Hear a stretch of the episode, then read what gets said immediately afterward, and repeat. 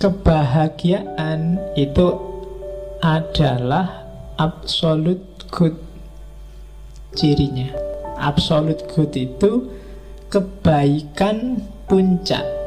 Itu kebahagiaan. Tidak ada lagi yang dituju selain itu.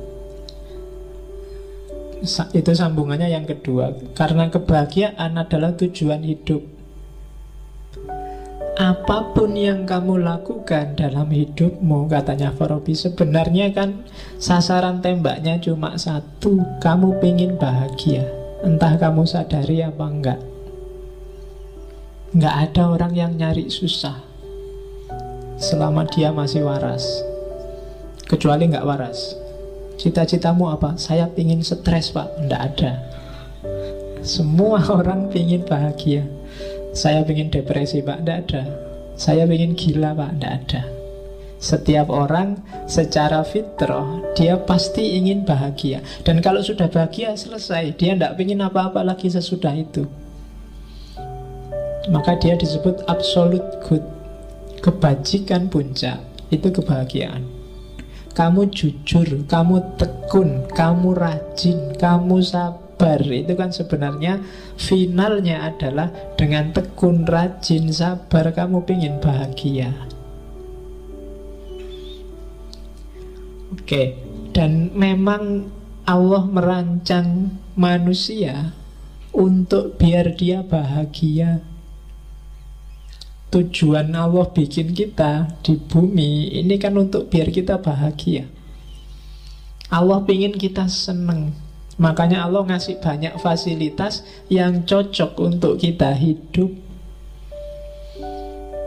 Kan bumi dan isinya ini kan pas banget untuk kita hidup. Kenapa sih kok Allah sempet-sempetnya ngasih kita yang pas luar biasa untuk hidup kita? Karena Allah ingin kita bahagia. Apa-apa mudah, apa-apa tersedia. Kalau ada yang kurang kok ndak ada, biasanya karena pokal kita sendiri. Tapi Allah menyediakan full dan nggak ada bayarannya gratis. Kalian dikasih tangan cuma dua, dikasih kaki dua, dan itu pas. Dan dikasih akal, oh, akal itu kan luar biasa, nggak ada hewan yang dikasih akal selain manusia. Jadi ya kan kita kan hewan jenisnya, hewan yang berpikir. Jadi Tuhan menciptakan kita itu untuk bahagia. Maka barang siapa galau, bete, sumpek, sedih, kamu sebenarnya sedang melecehkan Tuhan. Kamu sebenarnya sedang menyinggung perasaannya Tuhan. Sudah dikasih macam-macam kok kamu masih bete. Kamu masih galau. Itu yang bikin kemarin waktu kamu kecil, waktu kiai-kiaimu bilang selalu bilang bahwa bersyukurlah. Dengan syukur nikmatmu akan ditambah. Karena seandainya akal kita normal Sebenarnya melihat semua fasilitas dari Tuhan tadi Pasti kita akan bersyukur Dan bahagia Seandainya ada masalah sekalipun ya Mungkin setiap orang tidak ada yang tidak punya masalah Kalau di prosentase Mungkin masalah hidupmu itu tidak ada 10 persennya nikmat dan kebahagiaan yang kamu dapat dari Allah. Silahkan kamu tulis nanti pulang dari sini sebenarnya problemku itu apa sih? Tesis yang tidak selesai-selesai Atau skripsi yang tidak mulai-mulai Atau apa. Itu ke problem-problemmu kan seputar-seputar itu aja. Pacar yang nggak dapat-dapat Atau yang, yang sejenis itu kan. Lu itu kalau di prosentase dari 100% variabel hidupmu paling tidak ada 10 persennya. Kamu masih bisa makan enak, masih bisa mandi seger, masih bisa minum teh manis, masih bisa. Banyak orang yang manis saja nggak boleh, teh juga nggak boleh. Air putih banyak-banyak nggak boleh, ya kan? Tidur nggak bisa, ngerokok padahal pingin nggak boleh. Ya bukan banyak yang kayak gitu 80% hidupmu dan dengan 20% masalah Itu ya tetap kamu harus bersyukur Maka katanya Farabi Tidak Allah menciptakan kita untuk bahagia. Maka jangan bikin dia tersinggung dengan kamu tiap hari mengeluh. Saya bete, saya galau, aku lagi ndak mood, aku lagi ini. Padahal apa sih yang nggak dikasihin Allah padamu? Tahsilus sa'adah. Jadi capailah kebahagiaan biar Allah seneng Kayak kalian itu loh, kalau ngasih seseorang, bantu seseorang, dan yang dibantu kok terus, alhamdulillah sampai bantu sekarang hidupku beres, aku urusanku selesai semua. Yang bantu kan juga seneng. Tapi kalau kamu bantu orang yang dibantu merengut, terus sumpah, terus iya sih, terima kasih dibantu. Tapi yo masalahku masih banyak itu yang bantu juga jadinya nggak enak hati. Jadi bahagialah Allah menciptakan kita untuk bahagia Tidak usah terlalu dipikir masalahmu yang hanya 10-5% itu. Kalau ada solusi ya diambillah solusi itu. Kalau nggak ada ya dipikir lagi. Kalau buntu ya dinikmati aja masalahnya. Itu lebih enak. Kan sekarang biasanya yang bikin kamu sumpek kan nyari jalan keluar.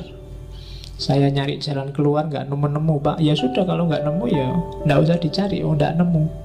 Dinikmati aja masalahnya tesis nggak selesai-selesai ya sudah. Ditunggu aja sopo ngerti dapat surat peringatan. Lo ya kan? Kalau dapat surat peringatan kan nanti gerak sendiri. Oke jadi yang kedua itu. Yang ketiga rumusnya dari tahsilus sa'adah semua yang membuat seseorang bahagia itu baik. Tapi semua yang bikin kamu galau, bete, itu kebalikannya, pasti tidak baik. Kalau tesismu nggak selesai-selesai, itu pasti tidak ada yang tidak baik yang sedang kamu jalani. Mungkin kamu males, mungkin kamu nggak tertib, mungkin kamu ogah-ogahan, mungkin kamu mismanajemen waktumu, pasti ada yang salah.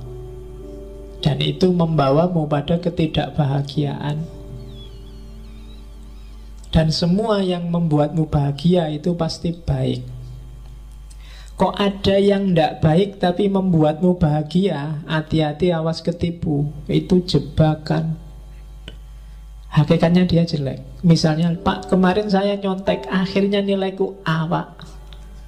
Oh itu iya nilaimu A Tapi hati-hati. Dalam praktek hidup yang sejati Awas keliru. Misalnya kamu harusnya levelmu nggak IP 4 Tapi IP 4 Orang anggap kamu pinter. Padahal ternyata enggak Itu bahayanya silahkan dinikmati sendiri. Banyak bahayanya panjang. Jadi Pokoknya yang bikin kamu bahagia pasti baik Kok kamu bahagia dengan hal yang tidak baik? Itu sebenarnya bukan bahagia atau sebenarnya itu nikmat sementara. Landat tadi. Tapi resiko tidak bahagianya sangat panjang. Nah, oke. Okay. saya tidak sholat nggak apa-apa itu pak. Aku tidak puasa biasa aja kan. Tidak masalah Allah juga nggak cerewet nggak marah-marah. Nah, iyalah. Kamu ngitungnya sekarang tapi mungkin ada efek yang tidak kamu sadari. Karena ketika Allah nyuruh sesuatu itu mungkin rahasianya tidak sekarang saat ini. Tapi ada skenario yang dibikin sendiri oleh Allah untuk mekanisme hidup kita. Karena Allah pasti tidak butuh sholatmu, tidak butuh puasamu, tidak butuh zakatmu.